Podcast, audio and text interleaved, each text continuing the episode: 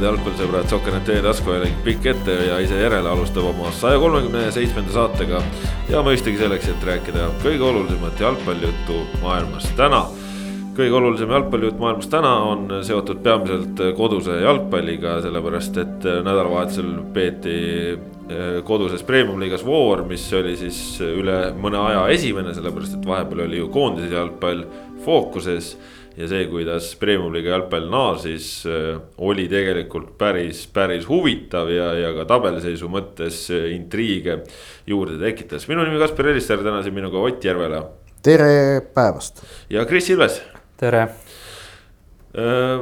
nädalavahetus tõesti Premium-liigas tõi siis täisvooru jagu mänge oli selliseid intriigipuntraid erinevaid ja kuigi vooru suurmäng toimus pühapäeval Paides, Paide ja Flora vahel, siis täna oma juttudes ei alusta me üldse mitte sellest mängust ja jätame selle teiseks ja, ja läheme ikkagi laupäeva, kus äh, laupäevane keskmine mäng äh, pakkus päris, päris äh, ootamatu intriigi. Viljandi tulevik võõrustas praegu siis tiitlikursil seilavat FC Levadiat ja, ja suutis seal kolm-kaks võidu võtta, mis siis äh, on äh, Levadia jaoks selles mõttes eriti ootamatu, et sel hooajal ei ole seni veel, äh, ei oldud seni veel kaotatud punkte siis võistkondadele, mis ei ole nii-öelda suured vaid kes on siis nii-öelda lihtsurelikud Premium-liiga mõistes. Ott, kui sa reedel käisid Levadia pressikonverentsil, äh, siis äh, seal vist jäi nagu võistkonnast natuke kindlam mulje kui see, mida laupäeval siis väljakul pakuti. ei, see reedene pressikonverents oli küll väga jah, sellises muretus õhkkonnas, et, et äh, noh, ütleme nii, et äh, osutus üpriski minu meelest nagu selliseks nagu sisutühjaks ja mõttetuks kohaks, sellepärast ma küll proovisin küsida, ega seal väga, väga nagu küsimustele väga mingeid ägedaid vastuseid anda ei viitsitud noh, midagi natuke nagu tilkus, aga, aga pigem see oli selline, jäi nagu natuke mulje, et seal oli linnuke taheti kirja saada, et. et, et noh, ma toon näiteks võrdluse Aleksandr Rogitši pressikonverentsidega, et sealt ju see tava tegelikult alguse sai, kaks tuhat üheksateist Rogitš otsustas, et ta hakkab enne igat mängu hakkab Levadia korraldama pressikonverentsi. kuidas Rogitš nendele pressikonverentsidele lähenes, lähenes? ta sai tegelikult väga hästi aru, et, et sageli võib olla see, et noh, et nagu mingit erilist teemat, millest nagu rääkida ei olegi, et noh, et et kui Levadia mängib äh, noh, tabeli teise poole võistkonnaga, siis me ikkagi tohutust sportlikust intriigist ju enne mängu üldjuhul üheksakümmend protsenti juhtudest rääkida ei saa. aga Rogic lähenes selle asja nii, et ta mõtles igaks pressikonverentsiks ise mingi teema ülesse ja viskas selle kohe oma avasõnavõtus ülesse ta viskas mingid nagu pallid ülesse ja siis vaatas, et kas nagu keegi ajakirjanikest, enamasti oli Sokernet üksinda kohal. aga tegelikult no ei, aeg-ajalt oli teisi ka, tegelikult oli Delfit, oli, oli Õhtulehte paar korda, vist isegi Postimees käis mõne korra, ERR oli vahel. et kas keegi nagu korjab üles, kui kohe ei korjanud, siis nagu noh, pitsitas ise edasi ja andis nagu, andis nagu noh, sellist ainest. ja andis üles, enamasti andis mingi teema vahest oli see mõni mängija, ükskord mäletan, minu arust kiitis üles Anton Krutokolovi, noh täiesti nagu no, suht tühja koha pealt ja no ega, ega Krutokolovi karjäärist me praegu suurt midagi ei tea, aga ühesõnaga ta tekitas alati ise sellele pressikonverentsile teema. seekord reedel sellist teemat ei olnud. et, et noh, selles mõttes, selles mõttes jah, et oli lihtsalt selline koosviibimine, räägiti juttu, noh, ma kirjutasin need uudised ära, mis sealt tulid e,. aga, aga noh, tegelikult reedestest pressi te, tegevustest näiteks noh, helistasin Vjatšeslav Zahhovaikole, et, et tema nagu antud intervjuu oli oluliselt nagu selgema sõnumiga ja jõulisem kui see, mida Levadia pressikonverentsil räägiti Kris, äh, sina jälgisid väga hoolega seda mängu. Äh, kui üllatav see oli, et Levadia seal mängus punkte kaotas, kas see oligi mänguliselt äh, ütleme anomaalia tulemus või tegelikult vaadates seda, mis väljakul toimus, see tulemus oligi õiglane, ootuspärane? Enne mängu oleks võinud küll eeldada, et äh, Levadia võtab kolm punkti, seepärast nad ei ole ju komistanud äh, tagumise, tabeli tagumise poole meeskondade vastu. aga kui mängu vaadata, jah, siis Levadia tegelikult kohati nagu oli parem meeskond, aga kui tervet üheksakümmend minutit vaadata, siis äh, ma juba kirjutasin tekstipõhises live-ülekandes ka juba pärast esimest poola, poolaega, et äh, Levadia alustas paremini, sai selle kiire avavärava, aga tulevik sai, sai üpris kohe sai mängu sisse ja, ja oligi võrdne mäng ja tegelikult samamoodi läks ka teisel poolajal. lõpuks kolm-kaks võit. Levadia küll üritas maruliselt lõpus, lõpus seda, sellest kaotusest välja tulla või isegi üks-üks seisul võiduväravat kätte saada. aga mulle jäi sellest mängust silma eelkõige Levadia ääred kus siis tulevik ründas. Levadia on nüüd seda formatsiooni kolme keskkaitsjaga ja, ja kahe ründava äärega. antud juhul siis oli Roosnup oli ühel pool ja, ja Liivak teisel pool. on nad nüüd seda mänginud äh, kaks kuud, võib-olla natuke rohkem, umbes laias laastus. aga selles mängus äh, ääred ikka kolisesid äh, minu arust täiega, tulevik sai väga häid kontrarünnakuid ja ja parema õnne korral tulevikus varem need väravad endale ära lüüa. aga minu meelest selles Levadia süsteemis need ääred ei peagi noh, et sa ei saa neid ääri vaadata nagu eraldiseisvana vaid see on ju teadlikult on jäetud need noh, nii-öelda kuidas öelda, noh augud sinna, aga neid auke peaksid paikama ju ka kaitsvad poolkaitsjad. et noh, noh Marko Putinšanin peaks ka jõudma sinna mõlemale poole neid, neid, neid olukordi turvama. ehk et see tegelikult on see nagu kompleksne ja teadlik valik, et nad on niimoodi selle asetuse paika pannud et, et seal ei saa nagu vaadata minu meelest otsa siis äh, Liivakule ja Roosnupule või siis ka Adžiirile, kes tuli, on ju -hmm. lõpus vahetuses sisse. et see ei ole ainult nagu nende süü kahtlemata, et see on ikkagi kompleksne probleem, et, et kui sinna äärtele need tühimikud tekivad, et noh, et see süsteem peab suutma sellised asjad ju ennetada. no Eesti no. koondis mängib ka kolme keskkaitsega, no meil ei ole äärtes, ei põle noh. no võib-olla see on isegi kõige suurem probleem on ta siis treenerite jaoks, et treenerid ju peavad tunnetama seda olukorda, mis väljakul toimub, et.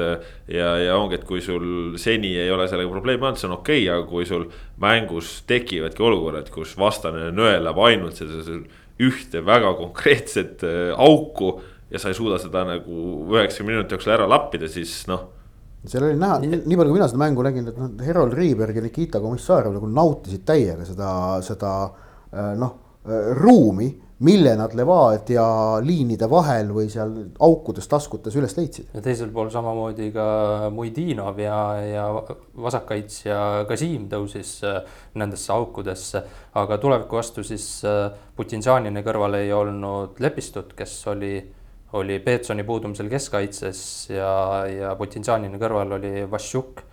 aga mis, mis, mis selles mängus just noh, varasemates Levadia mängudes ei ole see nagu silma torganud, et eh, nii lihtsalt nagu äärtelt ja nendest ruumidest läbi tullakse, lihtsalt see, sellepärast see tuleviku vastu jäi kuidagi silma, et kuidagi, kuidagi liiga lihtsalt tuldi no ma arvan, et, et Levadia puhul ikkagi ka suures plaanis tuleb rääkida sellest, et noh, tuleb arvestada fooni, millelt nad ikkagi on nüüd juba mõnda aega mänginud, et kolmteist mängu järjest võita. Äh, säärased seeriad, äh, nad alati, mida pikemaks nad lähevad, seda rohkem nagu müütiliseks nad muutuvad. Äh, mingil hetkel muutub see müüt nii võimsaks, et, et nagu see surve läheb vastasele. aga Levadia puhul minu meelest see seis veel see ei olnud, vaid, vaid hetkel oli see, et see surve oli neil ikkagi nende endi peal ja, ja see neid endid nagu mingil hetkel noh, tekitab on ju sellist väikest krambilaadset asja. ja noh, ütleme nii, et, noh, kui me vaatame seda seeriat, okei okay,, võtame, võtame näiteks siis pärast. No võtame pärast mingi augusti lõpust alates, et noh, et, et noh, ühelt poolt nagu kindel, aga teisalt mitte nüüd nagu tohutu, et, et noh, Kalju vastu ikkagi kaks-üks. noh, ja oli sellist, Levadial oli natukene õnne tolles mängus Leegioni vastu äh, mitte liiga kaua aega tagasi samuti kaks-üks võit mängus, mis noh, väga vabalt oleks võinud viiki jääda tegelikult. et okei okay,, Vaprust loputati viis-null ja Narvat kolm-null, noh, Paidega see kolm-null mäng, mäletan, et see oli noh, väga kohtunike poolt ikkagi Levadia, Levadiale väga soodsate otsustega noh, mäng on ju. see võis seda mõjutada. et minu, minu nagu sõnum on see, et, et Levadia on küll võitnud, aga minu meelest nad ei ole mänginud nüüd tohutult kindlalt vahepeal nende mäng juba oli päris hea aga, aga noh, nüüd nägime, et ta ei ole jah, ikkagi siis. see Leegioni mäng oli minu jaoks ikkagi selline väikene nagu noh äh,, kuidas öelda, häiresignaal on ju. et noh, okei okay,, seejärel tuli mäng Vaprusega, noh, Vaprus ei olnud nagu midagi tõsiseltvõetavat neile. aga nüüd noh, tulevik näitas, et see Leegioni mäng nagu ikkagi üht-teist näitas. jah, absoluutselt noh tulevik selles mõttes parem õnne korral oleks võinud seal vist veel ka lüüa, et seal Muidinov pani seal päris lihtsalt kaks, palle. kaks sajaprotsendilist pani mööda või no ühe, Valner tõrjus. aga seal veel ka üks saagivärav võeti ära. korduste põhjal oli, oli keeruline öelda, kas oli suluseis või ei olnud, aga, aga noh, lõpuks see mingit rolli ei mänginud, sellepärast et äh, kohe, kas vist järgmisel rünnakul või ülejärgmisel, igatahes suht kohe sai, sai tulevik selle kaks-üks värava kätte. Aga huvitav on see, et äh, et äh, okei okay,, Levadia kaotas nüüd tulevikule, tuleviku vastu kolm punkti, aga nad on selles mõttes ikkagi Floraga plussis, et äh, Flora on tulevikul sel hooajal kaotanud neli punkti. ja, aga, aga nüüd Levadia puhul, Levadia puhul ma üks asi veel juhin tähelepanu, et ikkagi löödud väravate arv Levadiale, kakskümmend kaheksa, kahekümne kuue mänguga. et, et ja selle poolest nagu Levadia on pigem ühes pundis neljandal kohal paikneva Nõmme Kalju kui teisel kohal paikneva Floraga. Floral on löödud kaheksateist väravat, Kaljule kolmkümmend neli ja Levadial tuletan meelde kakskümmend kaheksa. see Levadia kaitsemäng ja seal tasakaalu leidmine on ju tegelikult äh, hooaja jooksul läbivalt nende probleem olnud, et eriti hooaja alguses ju ka nad, nad nagu vahepeal tundus, et juba said selle, siin Valner tegi nullimänge ja nii edasi aga kuidagi sellist läbivat lõplikku kindlust ei ole tekkinud ja, ja tegelikult ei teagi, et kas see on seotud sellega, et siis ütleme, et seal isikkoosseis kaitsedes ka aeg-ajalt ikkagi vahetub või mitte või, või et nad on proovinud siin hooaja jooksul erinevaid süsteeme, aga, aga jah, sellist nagu noh täiesti sellist kaitseliini, et meile te ühelgi juhul ei löö, seda pole tekkinud ja, ja noh, see on selles mõttes olnud ohukoht. ja nüüd siis seekord siis sel nädalavahetusel esimene kord, kus nagu päriselt see ka ära kasutati võib-olla seda ka märkida, et äh, kui sai öeldud, et äh, Peetsoni asemel oli Lepistu keskkaitses, siis äh, esimese poole lõpus veel Udže, kui ma õigesti mäletan, kas hoidis Reiest kinni, et ega sinna tuli Podoljužin, et, et teisel poolel mängis kaitseliin paremalt Podoljužin, Peetson ja Lepistu. siis jah, Podoljužin, Lepistu ja, ja Mitrovits et noh, sellist see... koosseisu pole ka ilmselt elus kordagi varem olnud, on ju. no jaa, aga noh, see on asjad, millega tuleb nagu kohaneda, kokkuvõttes minu meelest on nagu näha, et, et Levadial nad ütlesid küll, et mingit äh, pinget ei ole, reedesel pressikonverentsil ka küsisin, kas sa nagu näed. Savitsi, kas ka näed, näed nagu ohtu, et, et äh, noh, see surve, mis on nagu tekkinud sellega seoses, et te olete juhite ja te olete muutunud soosikuks number üks, et kas see võib nagu võistkonda mõjutama saama hakata siis mingi vastuse, et I do not expect on ju, et ma, ma, ma ei usu või ma ei eelda või ma ei arva, et see võiks nagu kuidagi, ta ei näe põhjust miks see võiks võistkonda mõjutama hakata, aga nagu laupäeval Viljandis nägime, väga selgelt hakkas. et, et see oli ikkagi ju noh, jah, tulevik ju mängis hästi, aga, aga Levadia ju tegelikult ise vajus ka oma selle favoriidi koorma all seal lössi. Läk-, nad läksid mängu juhtima, see ei olnud nagu mingisugune selline noh, aga, aga eduseisust kaotasid selle mängu, nad kaotasid selle mängu eduseisust, noh, see on nagu tähtis. ja nad olid vahepeal üks-kolm kaotusseisus. aga noh, Savits äh, mängu eelpingeid ei tundnud, mängu järel vist tundis rohkem. jaa, sellepärast et seal reedesel pressikonverentsil tahtsin siis uurida Savitsi käest ka Brent Lepistu hiljutiste väljaütlemiste kohta, et ta kuulub Eesti koondises musta nimekirja. ja, ja siis Savits ütles, et äh, reedel, et ei, praegu me räägime homsest mängust ja et tal ei ole probleemi sellele küsimusele vastata, aga, aga hetkel ta seda ei tee. küsisin ta käest, millal ta siis sellele küsimusele vastab, vastus oli pärast mängu ja meie reporter Martti Kallas läks laupäeval siis pärast mängu Savitsi käest äh, erinevaid asju uurima, muuhulgas muidugi mängu kohta. aga siis küsis ka, küsis ka selle lepistu teema kohta ja, ja sealt äh, noh, põhimõtteliselt Savits äh, ei vastanud ka siis, kuigi ta oli päev varem lubanud, et ta räägib ja vastab sel teemal. jah, ja see oli vist isegi sõnastatud sellises, et kas sa tõesti arvasid, et ma nüüd praegu vastan sulle sel teemal, et see oli jah nagu.... no seal oli ikka jah, et noh, noh ütleme nii, et ma ei kujuta ette, kas Savitšile ära, noh, ei ole võimalik, et ta oleks ära unustanud, mis ta päev varem ütles, noh, kui talt kaks päeva järjest sama teema kohta küsitakse. ei ole ju, ei ole ju, ei ole ju võimalik, et inimesel ei teki see seos eelmise päevaga. et ta lihtsalt otsustas mitte vastata ja, ja, ja noh, niimoodi teataski, et, et ma ei kavatse sellest praegu rääkida, kas sa tõesti arvad, et kaks minutit pärast sellist mängu hakkan ma rääkima lepistust Häberlist. kas sa tõesti arvasid, et ma hakkan sellele vastama? ja siis ta ütles veel kord, et ta ei vasta. nii et äh, tegelikult on seis see, et, et noh, et äh, see, see kaotus, mille Levadia sai ja mis oli kahtlemata suur tagasilöök, et äh, et äh, eks see, see pani, pani Levadia peatreeneri oma sõnu sööma. Noh vähemalt ütleme siis hea variant on see, et äh, Levadial on kaks peatreenerit ja ja ju siis teinekord on mõistlikum suhelda Vladimir Vassiljeviga, kes on väga-väga hea intervjuude andja ja kes alati väga põhjalikult nüansse selgitab et.... aga oleme ausad, kaks peatreenerit küll, aga tegelikult peatreener, peatreener on Savitš tema on see, kes seda protsessi seal ikkagi selgelt juhib no. mängijad aga... ütlevad, et peatreener on Savitš. no kui ta rääkida ei taha, siis. No siis on meie ülesanne kirjutada, et Levadia peatreener ei kirju-, ei räägi, ei suhtle, ei vasta. no teine peatreener vormist on seal olemas, kes. abipeatreener. no, no tegelikult on seis see noh, no seal, seal on see noh, nad võivad nimetada, et nad on võrdõiguslikud, tegelikult nad ei ole kõik, äh, kogu Levadia võistkond, äh, noh, kõik, kes seda tööprotsessi natukenegi on näinud, sellega natukenegi kursis, saavad väga selgelt aru, et Savitš on seal ikkagi see, kes seda protsessi juhib ja Vassiljev on tema noh, väga lähedane asi äh,, abiline. on, on asi niipidi ju seal noh. nojah, aga noh, tiitlid on tiitlid ja kui nad ametlikult nii ütlevad, siis ju noh.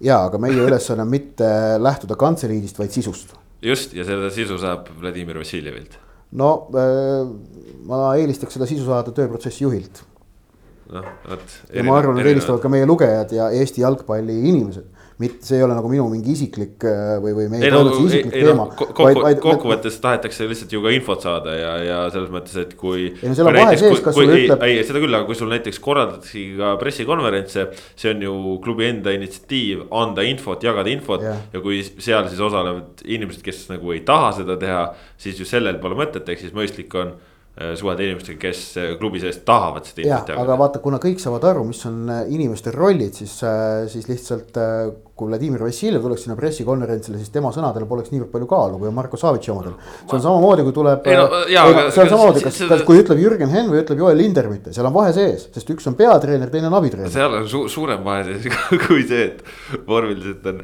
Vladimir Vassiljev ka peatreener no ma arvan, et äh, tegelikkuses noh, ma ei, ma ei kujuta ette, palju see vahe on, aga no, noh. ei, minu jaoks va vahe ikkagi noh, kui sul on ametlikult kirjas. ei no, no. vahet ei ole, mis ametlikult võivad kirjas olla, kuule, ametlikult oli kirjas ju seal.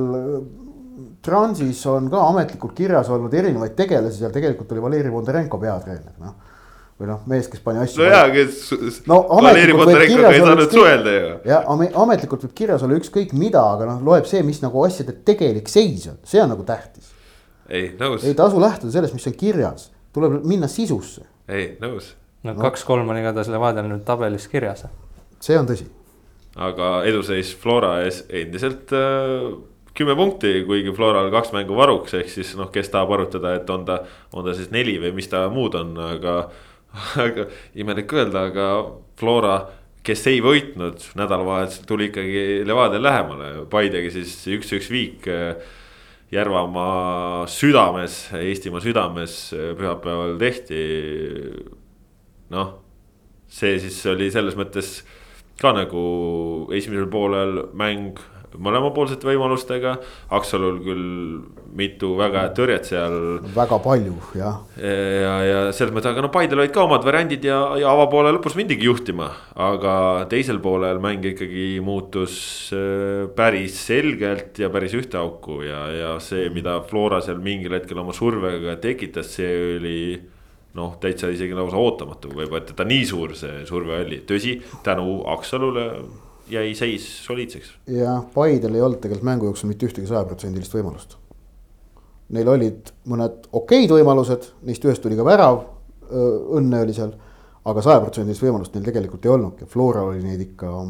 no see Anieri tegelikult see, mis Palumets talle pani. no see, see ei olnud sajaprossane noh. no seal oleks pidanud raami küll panema selle. no aga see ei olnud sajaprossane noh. see on, see on niivõrd keeruline löök, sa ei saa selle kohta sajaprossane öelda saja prossane on see, kui Sapina läheb üks-ühele, vot see on, see on saja prossane, Aksalu võtab ära. või kui Zenjov saab viie meetri pealt löögil, niimoodi keegi ei sega, see on ka noh, noh. no, noh, sellised asjad on saja prossased. no ma ei tea, Eesti koondise tasemel ründajad, pall tuleb jala peale umbes seitsme meetri kauguselt, sa peaksid ju selle ikkagi väravaraamidesse vähemalt lööma. kas sa, noh, tähendab, ma, ma nüüd hakkan kohe Anieri kaitsma nüüd ja ütlen, et huvitav, okei okay,, ma ei ole seda otsajoone tagant kaamerat, ma ei mäleta, kas seal ETV-l oli, aga aga noh, mis hetkel üldse Anier seda palli lõplikult nägema hakkas, seal oli see pall kukkus ikkagi kaitsja tagant talle ju jala peale. et ta võis seda palli päris viimasel hetkel tegelikult seda täpset trajektoori ka silmata, sest et noh, et seal olid kaitsjad ikkagi vahel. see ei olnud noh, selline, ma ei tea, tühjaks mängitud ja nüüd löö. no no, minu no, no, Senjokile kukkus ka ma- ju mingi ootamatult see pall sinna jala peale üks hetk. no ma mõtlen seda, et ühesõnaga ma arvan, ja ma arvan ja, et Anir on pettunud iseendas, et ta sellest nagu võimalust midagi paremat ei tekitanud, aga see ei ole sajaprotsendiline väravavõimalus. No ei tea, XG neid mõõtjaid meil siin Premium liigas veel ei ole, nii et. no mul seal, mul seal kõrval oli paar spetsialisti, kes olid nõus. no ma ise ilmselt, ma ei taha ka Anijärvi kritiseerida, ma ise ei oleks ilmselt seal pallilegi pihta saanud. ma loodan ka mitte jah, sellepärast muidu oleks Eesti koos oleks talent kaduma läinud. mina Aga-, mina võin mürki võtta, mina poleks sinna pallile pihta saanud, sest ma poleks sinna jõudnud. jah, aga mäng ise ka siis jätkame äkki, et see noh, kui võimalused võimalusteks, aga noh. Flora neid kokkuvõttes teisel poolel tekitas ikka väga palju ja, ja Paide vajus siis ilmselt isegi mitte nii teadlikult, vaid ikkagi ka asjade kokkulangemisel väga-väga madalale. no Paide Leer oli pärast mängu nagu suht üksmeelel, esiteks selles, et neil vedas, et nad punkti said. ja teiseks selle, et ta ikkagi duelle hakati keskväljal kaotama, agressiivsus kadus, jäädi passiivseks, aga noh. jah, Aksalu ja kindlasti ka Ragnar Klavan, ma arvan, oli seal ikkagi noh, suutis kaitses hoida seda mingit nagu korda, mingitki korda. et, et nad suutsid asju seal klaariks lüüa, et, et see oli nagu Paidel hea võidetud punkt. aga Flora ütleme nii, et ei, ei, hoiak seal pärast mängu või selline nagu noh, olem, olemine. Ei olnud teab üldse mingi nagu võiks arvata, et oleks nagu masendunud, noh pagan, nüüd jäi võimalus kasutamata Levadiale palju lähemalt. Nad tulid ikkagi punkti võrra. ja nad tulid, ei noh, ja oleks tahtnud rohkem tulla, selge see. aga nagu mingit masendust või sellist nagu tohutut pettumust, kusjuures Floral ei olnud, et noh, nad äh, ma arvan, suhtusid sellesse olukorda nagu üpris asjalikult, et noh, teadvustasid endale, et noh, et, et tegelikult nagu mängiti, mängiti ikka väga hästi. aga oli see päev, kus, kus ei läinud, et selliseid päevi tuleb ette no mis Paide et, puhul, sorry, ma ühe ütlen, et no näiteks kui me võtame selle tuleviku kaks-kaks viigi hiljutise, ega seal ju Flora ei mänginud teab mis hästi. aga, aga eile Paide vastu noh, näiteks nad mängisid hästi, et selles mõttes, et, et noh, tugev võistkond saab aru, et noh, et kas, kas, kas, kas, kas oli täna oli, kas esitu-, oskab vahet teha esitusel ja tulemusel. Ja, ja seda oli nagu eile näha. äh, Paide puhul, mis on ikkagi märkimisväärne, on see, et äh, oli küsimus natukene, et kes alustab keskkaitses, keskkaitses Ragnar Klavani kõrval äh, alustas siis Kristjan Pelt. mälu järgi äkki vist kolmas start sel hooajal, et äh, teine vist isegi. või oli üks suve keskel ka? minu arust oli üks oli suve keskel okei veel okay,, teine järjest igatahes. jah, ja, ja, ja..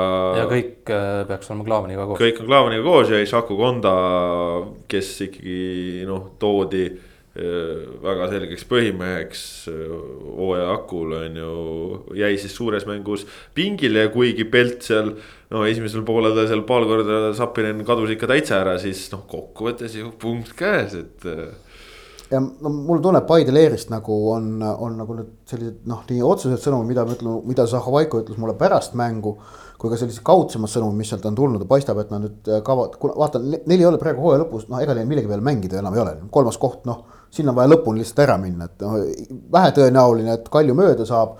veel vähetõenäolisem, et nemad Florast mööda saavad. et, et noh, praeguses olukorras vist proovitakse veel nüüd Peldist teha ikkagi sellist nagu premium-liiga korralikku mängumeest et talle eelmise hooaja lõpus vaata anti variant, aga selle hooaja alguses kaotas koha.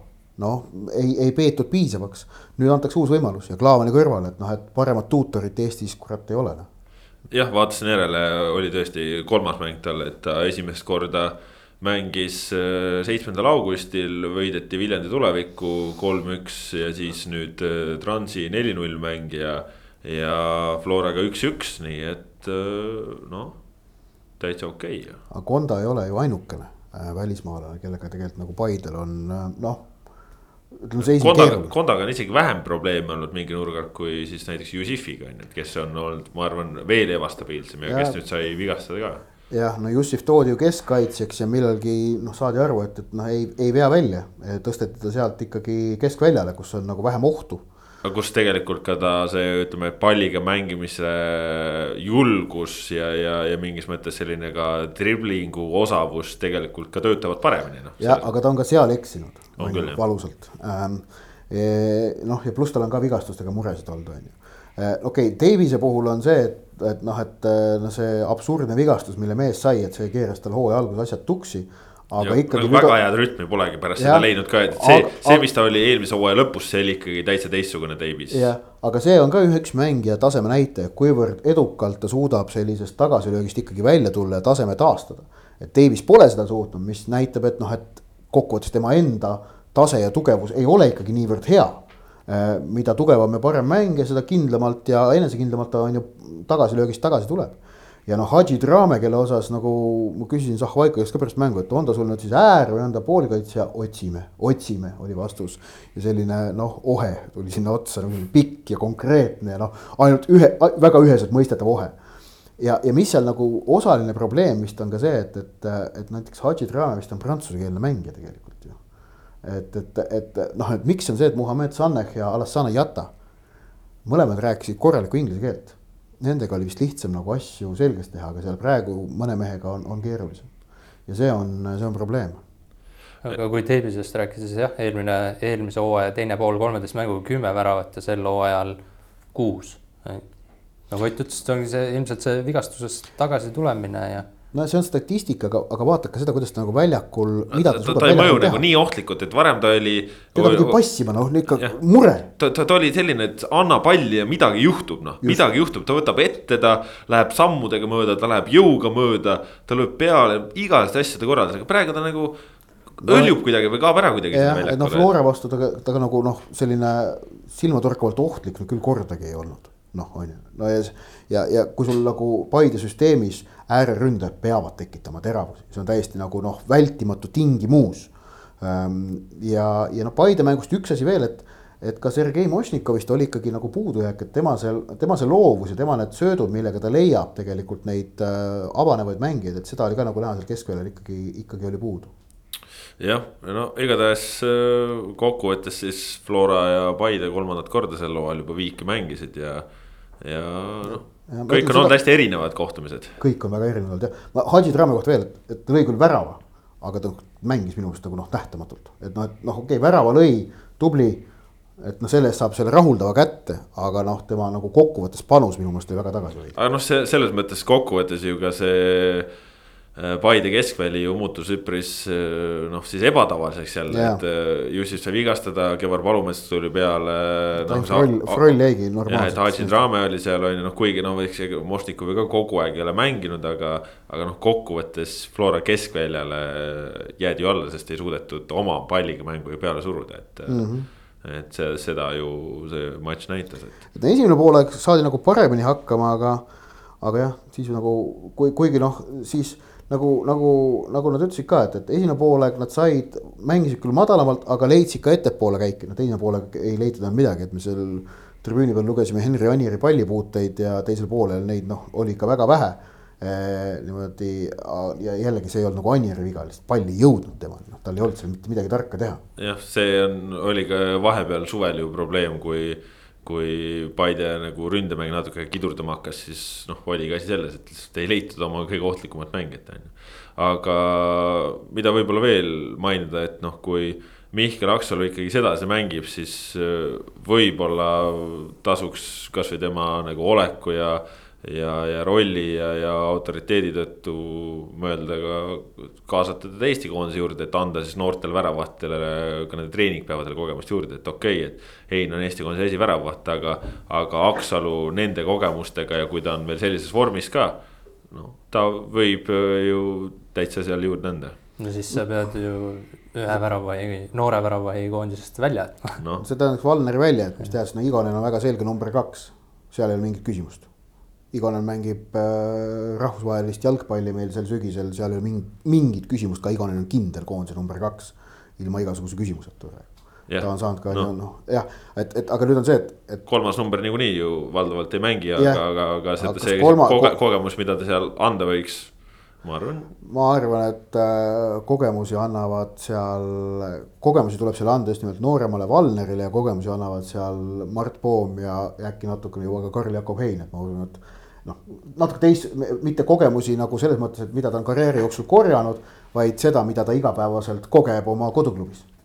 ei, nõus, aga ma ütlen lihtsalt. ei, Aksalut muidugi hea, seda küll, ei noh, see, see oli, see oli võimas jah.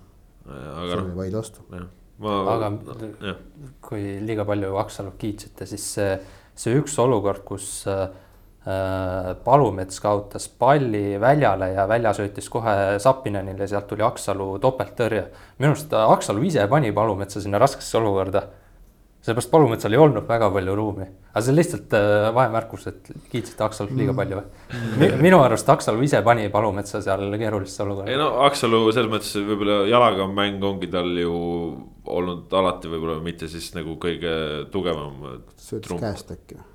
Ma ei, ma ei mäleta. ma, ma seda olukorda, ma seda, mina, ma seda olukorda praegu ei mäleta üldse, aga, aga noh. see oli see, kus Sapinen üks-ühele läks ja, ja Aksalu topelttõrje tegi. ja, jah noh, jah, okei okay., no oli, mis oli, igatahes kokkuvõttes. Äh, Aksel tegi ikkagi väga head teost ja, ja ma küll mõtleks selle peale, eriti kui äh, noh, Levadial on äh, siis noh, noorel väravail on ka koondise pauside ajal mänge, mida mängida, et. jah, noh, on see, kuidas on igatahes Premium-liigas toimus veel ja, ja toimus täitsa hullumeelseid asju, ehk siis kui Levadia kolmeteist mänguline võiduseeria sai läbi, siis sai ka Tammeka kaheksamänguline kaotuste seeria. kolm kuud ja nagu naksti jälle premium-liigas võidupunktid. Dmitri Kalašnikov sai esimesed punktid Tartu Tammekas ja voilà. Tartu Tammeka ei olegi enam premium-liigas viimane võistkond, vaid on üheksas ja, ja hetkel siis liigub kindlalt üleminekumängude kursil, tõsi. kolmapäeval on siis ees omavaheline matš, mis äh, ka väga palju määrama hakkab, aga Tartu Tammeka sai siis kodus Transist äh, kaks-üks jagu seejuures mängus, mida Trans läks juhtima Mihhail Velovilt, noh fantastiline karistuslöök ristnurka üle müüri. müür ei hüpanud, sest müüri alla ei olnud kedagi seisma ka pandud, kui müür oleks hüpanud. noh, mine tea, võib-olla oleks sealt suudetud midagi sinna vahele saada, Pehteril igatahes varianti sinna jõuda sisuliselt ei olnud. aga Tammeka reageeris ja reageeris Tristan Koskari kaudu, mees, kes on vajalikel hetkedel ka varem Tammekat tassinud, tegi seda nüüd ka. penalti, mis äh, oli noh. Jorginho moodi penalt ja noh, löög, löögi, löögihetk küll jah, lõpuks. aga, aga see, kuidas see teeniti, oli ka ikkagi noh, lihtsamat sorti selles mõttes, et. et Skinjov seal palli puutus, vist puutus ka jalga, on ju, et et see on sihuke, et noh, eks kohtunikud teavad ise neid asju täpsemalt, aga, aga noh, kindlasti on maailmas selgemaid penalteid. aga Ožompkov, kes siis naasis pärast ka, mis on siis umbes kuuajast pausi, millal see Levadia, Paide Levadia mäng oli. Naases nüüd premium-liigasse seal penalti määras ja, aga see tõesti, see noh, kes ei ole seda penaltit vaadanud, siis eh, tasub vaadata, sest see on, ma arvan maailma kõige aeglasem penalti, mida te üldse kunagi näinud olete. Koskor läks seal nagu nii, nii rahulikult, lihtsalt nagu jalutades läks seda lööma ja Pavlov värava suul nagu hüppas koha peale, koha peale, koha peale, jalad võdisesid seal all ja siis ei teinud mitte midagi aga, aga siiamaani on, eh, ma ei ole päris nende penalti reeglitega, on see, et, eh, et sa ei tohi seisma jääda hoojooksu ajal. hoojooksu ajal tohid jääda hoojooksu ajal? hoojooksu ajal tohid seisma jääda, sa ei tohi, kui sa oled tugijala pannud löögiks maha, siis sa ei tohi löögiga enam viivitada. seisma ei tohi jääda, sa, sa, sa võid teha tempomuutuse, aga ametlikult sa seista ei tohi. reeglid seda ei luba. hoojooksu ajal. ei tohi, seisma, teha niimoodi, et sa, et sa kõnnid, hüppad kaks jalga maha ja siis lähed edasi, seda ei tohi teha. see paus, mille, mille mängijad teevad, nad mängivad selle piiri peal, sa tegelikult hoojooksus sa ei tohi seisma jääda. jah, ma olen, ma olen ka niimoodi aru saanud. hoojooksu, sa ei tohi löögiliigutusega ei tohi viivitada, kui sa oled tugijala maha. hoojooksul ka ei tohi. No meil kohtunikud nüüd kuulavad, võivad saata meile parandusi, aga minu teadlikkus penaltilöögist on see, et sa ei, sa ei tohi seal no,. aga hooajooks võib sul olla kõnd ka ju no,, sa ei pea jooksma. ja noh, Koskoril oligi. kõnd võib olla, kõnd võib olla väga-väga aeglane. Koskor oligi minu arust selle viimase piiri peal, see on see, see on see, tähendab asi, mis nagu, mis nagu elimineeriti ära selle penalti löömise muudatusega oli see, et kuidas mängid tegid see, et panid nagu tugijala maha, tõstsid löögijala üles ja siis viivitasid, väravat hüppas ära, veeretasid tühja, on ju. seda ei tohi teha enam. see oli see, mis ära keelati. nojah, aga, aga see. selle eest saad sa praegu kollase ja vaba löök vastasele. aga see noh, see, see pausi võtmine on ka, et seal seda tegelikult ju ikkagi jälgitaksegi, ongi see. Neymarid ja asjad on ka alati olnud selle nagu piiri peal, et, et mis hetkel noh, et sa pead säilitama mingisuguse liikumise seal ikkagi. no ja, no ma ei tea, lükkad kätt edasi, läheb ka hoojoks edasi no põhimõtteliselt on jah ja. aga kas ma soovitan vaadata, see oli lihtsalt nagu lahe penalti ja. ja, ja noh, Koskor ikkagi siis närvid olid ikka no täiesti külmad, et äh, rahulikult vaatasin ja Pavlov jääbki seda koha peale, ma siis söödan siseküljega selle palli nurka ja, ja oli värav käes, et noh aga mis te kommentaari ajal äh, jõudsite vaadata, Koskor oli kõige rohkem penalteid teeninud sel hooajal äh, Premium liigas. ja vist äkki neli või midagi jah, et. ja ta on ise neid realiseerinud, aga mul meenub, et ta on, on eksinud ka vist. vot siin ja. ma nüüd praegu seda ma peast öelda äh, ei oska, aga, aga jah, ta on neid teeninud ja ta on neid löönud ja. Ja nüüd vist kaheksa värava peal ka sel hooajal, et äh, kindlasti suur kergendus ja ja Trans noh, oligi esimesel poolel nad suutsid küll, aga tegelikult Tartu Tammeka siis üle pika aja mängis sellist jalgpalli. Et neid vaadates sa nägidki enesekindlust, sa nägid seda, et nad usuvad, et nad võida, suudavad siit võita ja, ja ei olnud ka sellest mingit vaimset murdumist. Taio Tõniste sai mängida äärekaitses, kus ta oli ka koondises, oli seal fenomenaalne. Nikita Zagrebelni ta vastu ei saanud Kalašnikovil oli kaks nädalat aega koondise pausi tööd teha ja ilmselt see, ma arvan, paistis on ju välja. ja Kos-, Koskor ütles, meile... ütles ka mängujärgses intervjuus, et, et see töö, et nad said nagu treeneri ideedest paremini aru, see oli kasulik. aga see oli mullu Tallinna Kalevis samamoodi. et, et ta sai satsi mängima pärast oktoobrikuu koondise pausi, ta ju alustas augusti lõpus septembris said veel mingid, mingid kolakad kätte sealt ja siis pärast oktoobri koondise pausi, siis hakkas Kalev mängima ja peaaegu jättis ta ju Premiumi liigasse alles vastu yeah. kõiki ootusi yeah.. Tallinna Kalevis oli see probleem, et äh, aeg sai otsa, hooaeg lõppes enne ära yeah., et äh, ei jõudnud no, nagu yeah.. vormikõver oli nagu, vormikõvera poolest oli Kalev no, seal, äh, ma ei tea, liiga kuues sats peaaegu noh. see oli jah, aga noh, ja Transi puhul on ikkagi natukene näha, et seal ütleme see motivatsioon võib-olla ei ole praegu nii kõrge, et saadakse aru, et ju me seal esikuuikus oleme, et millegi peale otseselt nagu mängida ei ole. huvitav ja..., kas, kas Transi motti tõmbas maha ka see, et Leegion võitis Kuret hommikul? vaata, kui Lee-, kui Kuressaare oleks Leegionist jagu saanud. päev hiljem oli see mäng.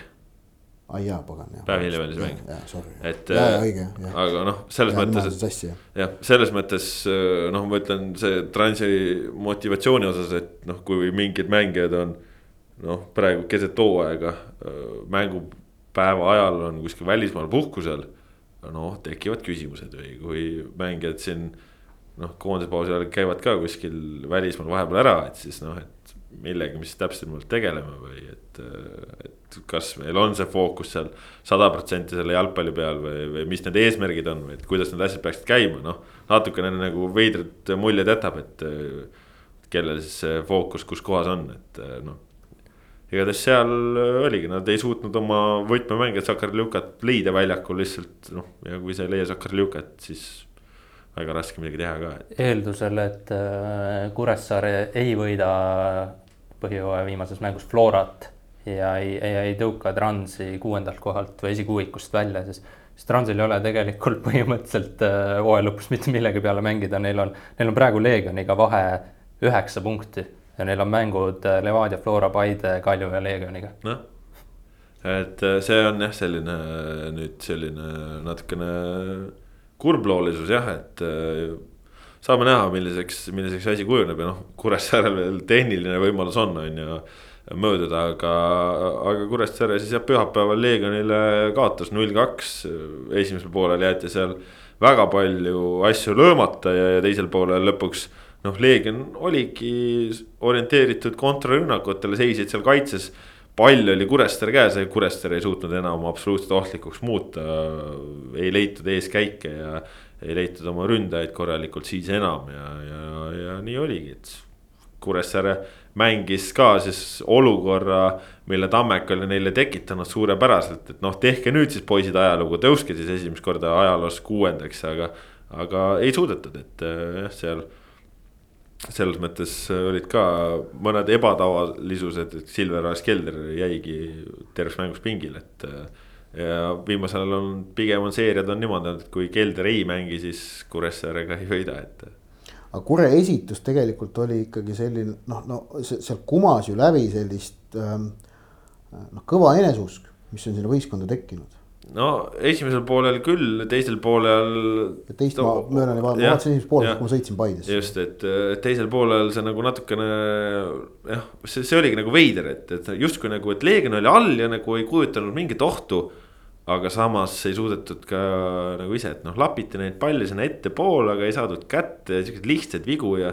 Mattias Männil on suhteliselt roostes, et täitsa ebatavaline teda nagu sedasi, sedasi mängimas näha ja ja ega ka noh, Peeter Klein toodi ette, noh ei leitud tedagi seal ja, ja noh, Otto-Robert Lipp ka seal korra proovis joosta, aga noh.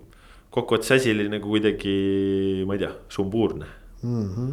ja, ja noh, nüüd siis on, et ega selles mõttes Kuressaare ka nüüd liiga palju muretseda ei ole, et mängivad selle Floraga ära, eks siis näis, kui, kui suudavad sealt punkte võtta, siis siis saavad kuuendaks, kui ei, siis on seal seitsmenda koha peal ja siis eks nad tulevikuga seal seitsmenda-kaheksanda jagavad, et. Äh, üheksanda koha peale kukkumise ohtu ju tegelikult ei ole, et, et see premium-liiga tabeliseis on ju, on ju ikkagi täna selline, kus äh, tõesti sellel alumisel äh, nelikul jääb ju kolm matši pidada ja, ja see on juba ju ka noh, Tartu Tammekal on veel siin mängud järg, järele pidada, on ju. aga noh, hetkel on Tartu Tammekal kuusteist punkti ja Kuressaare tulevik kakskümmend seitse, et see on üksteist sanga vahet, et äh, noh. ei tundu loogiline. ei, ei tea midagi, Kalašnikovs on nüüd, et no tundub praegu, et mingid asjad on paika saanud ja ja omavahelised mängud seal, see punktivahe võib nii kiiresti väiksemaks minna. Tammeka peaks kõik võitma põhimõtteliselt, et mööda saada kellestki. no selles mõttes, et okei okay,, et okei okay,, Tartu Tammeka kolmapäeval ütleme, et saab näiteks kolm punkti, et nüüd teevad omale siukse. Tammeka, Tammeka maksimum. üheksateist, üheksateistkümne peale, aga ega nad siis ju Florat ei võida enam. ja üheksateist ja kakskümmend seitse jääb ikkagi ju. Tammeka maksimaalne punktisumma on kolmkümmend üks sel hooajal, sest nad peavad kolmkümmend mängu, viis mängu pidamata et äh, jah, ei tundu tõenäoline, et äh, jah, aga nii on. üks on Floraga. nii on Le, Leegion igatahes sai omal selles mõttes sellise veidramat sorti mänguga, kus siis jälle kogenud mehi ei ole näha saanud ja, ja Artjom Artjunit endiselt ei ole näha saanud ja, ja mängis siin duubli eest, aga noh, Belov ütles, et on endiselt esindusvõistkonna mängija ja. ja mõtlevad siis võib-olla ka siin natukene nooremate peale ja nii ja naa, aga eks sealgi need äh, taustad võib-olla noh, päris kõik sellised äh, ei ole või ei taheta nendest rääkida ka avalikult, aga. aga igatahes noh, Leegionil ka siis selline noh, kalju püüdmine veel vormiliselt käib. aga, aga seal ka asjad üha enam selgemaks saamas, Kalju ise siis nädalavahetusel võitis Pärnu vaprust neli-üks, see oli siis selline mäng, kus vaprus läks juhtima ja esimene poolaeg oli Vapruse Kalju vahel seal Pärnu rannastaadionil noh, täitsa võrdne mäng, et. et Kalju oli rohkem palliga, aga Vaprusel olid rünnakud, olid variandid, Henri Berk alustas siis üllatuslikult väravas, Marko Merits oli kuskil haihtunud. ei olnud teda pingi peal ka ja Sergei Leppmets ka ei mänginud, kuigi tema oli, oli pingi peal olemas, Berk sai võimaluse ja Berk oli ikka jalaga no nii ebakindel, et no sihukest värinat pole ammu näinud, aga noh, kui sa mängidki hooaja esimest premium-liiga mängu, siis ilmselt on ka arusaadav, et see. et see värin on, et seal tegi mustasid puuteid, selle pealt põhjustas penalti. seejärel siis oli olukord, kus proovis, et noh, ma nüüd siis ei hakka midagi riskima, et löön kohe ühe puutega palli minema. siis lõi noh pallist nagu ikka suhteliselt mööda ja, ja tekitas uue ohtliku olukorra, aga, aga siis hiljem läks nagu see jalg kindlamaks ka, et. eks noorel väraval seal kogemust on vaja, aga ka mängu järel jah, Igor Subbotin just äh, tõi välja, et et nemad ikkagi keskenduvad väga sellele, et see Leegion on ikkagi selja taha endale jätta, et, et nad tunnevad, et on vaja panna ja. ja see mängu muutus ka oligi olnud esimese poole järel riietusruumis, sest mängijad said ise ka aru, et kuulge. me oleme Nõmme Kalju, et me tahame mängida tabeli ülemise otsas, me ei saa sedasi tegutseda. ja noh, mäng muutuski teisel poolel kardinaalselt, siis ei olnud enam vaprusel variantigi ja ja, ja noh, Kalju läks väga hästi oma teed, et. et seal, kui väravasoovitusi anda, mida vaadata, kes ei ole näinud, siis äh, Kalju kolmas värav väga hästi söötudega välja mängitud, Pavel Marin selle lahendas ja, ja.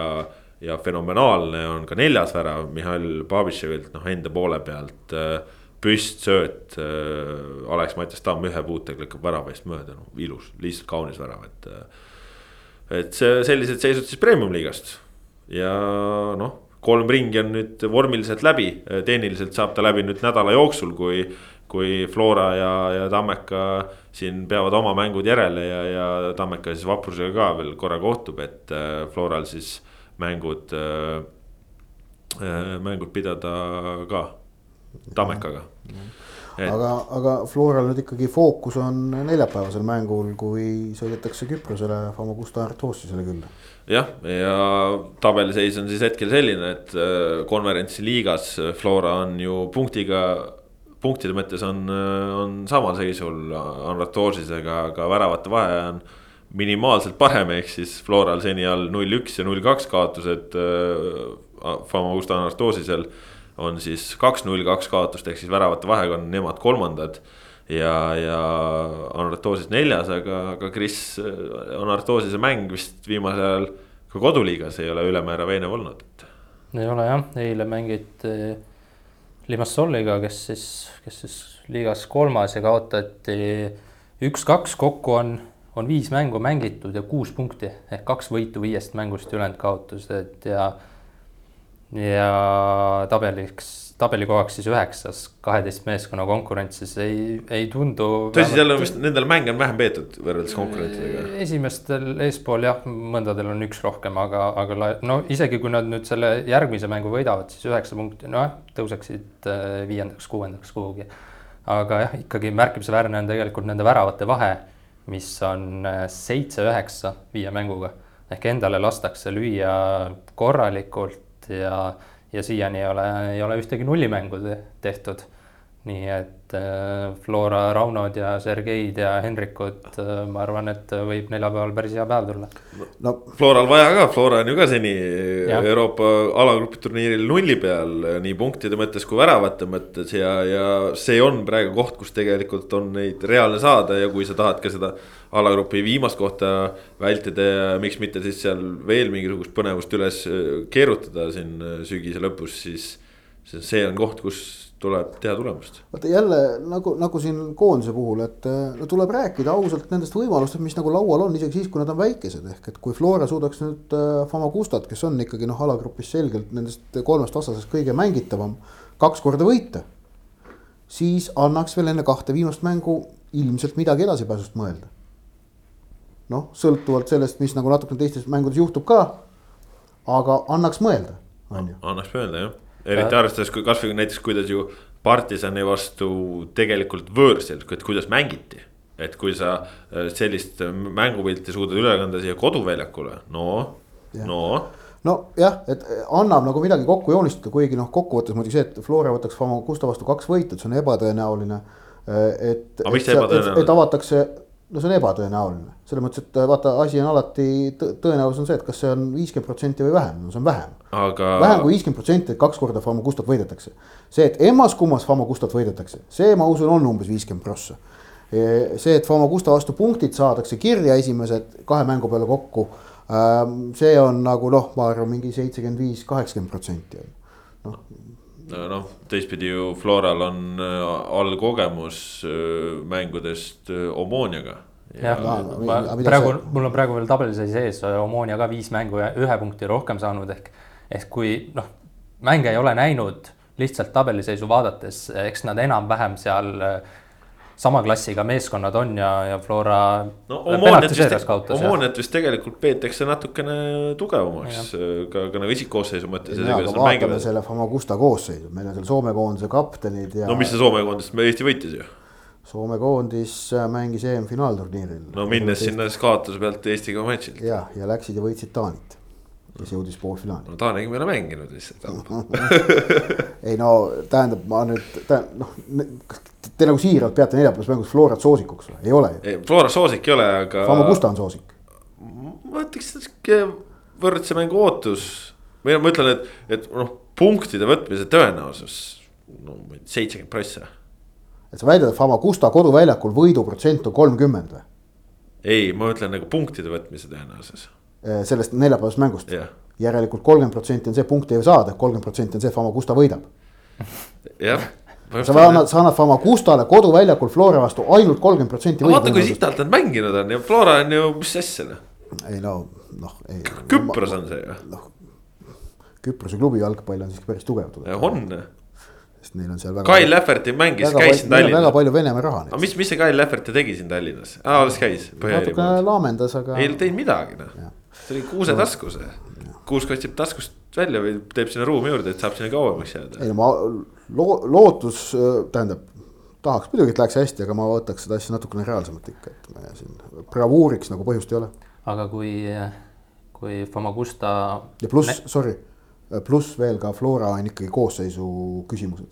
et, et Vassiljevi ja Alliku osalemise kohal on küsimärgid ja see on äh, probleem äh,. ma ütlen nii palju ära, et mulle nagu väga meeldis see, kuidas Hendrik Ojamaa mängis seda äh, number kümne positsiooni mängus Paidega viimased pool tundi, ta mängis seda mitte üldse nii, nagu on mänginud Vassiljev või Henri Välja või Martin Miller, ta mängis seda hoopis teises võtmes. aga seda oli huvitav vaadata ja see on võimalik asi, mida ma võib-olla Flora kavatseb ka ära kasutada veel. Kristus soovisid? Ah, jah, ma vaatasin eilse mängu, eilse Famagusta mängu algkoosseisu ja päris rahvusvaheline seltskond on tegelikult neil koos. Algkoosseisus ainult äh, kaks kohalikku meest äh, lisaks mainitud soomlane, Soome koondislane, endine Kreeka koondise kaitsja, Tšehh, Slovakk. ei no muidugi, eks. egiptlane, brasiillane, kolm kreeklast. ei no ega seal muidugi kvaliteeti on, ega selles mõttes, aga lihtsalt kui kuskilt siin mängida, kui arvestada. Kui... automaatselt kvaliteeti ei tähenda. aga noh, kui, kui arvestada seda, kuidas Flora on seni Euroopas sel hooajal mänginud, just mängupilti ma mõtlen. noh, ma ei tea noh, see tundub nii tõenäoline, et siit tuleb punktid tundub nii tõenäoline jah, minus ka, aga, aga. et vaata, vaadates, kuidas mängiti Partisani, kuidas mängiti Gentiga, kes olid ikkagi nagu pumm.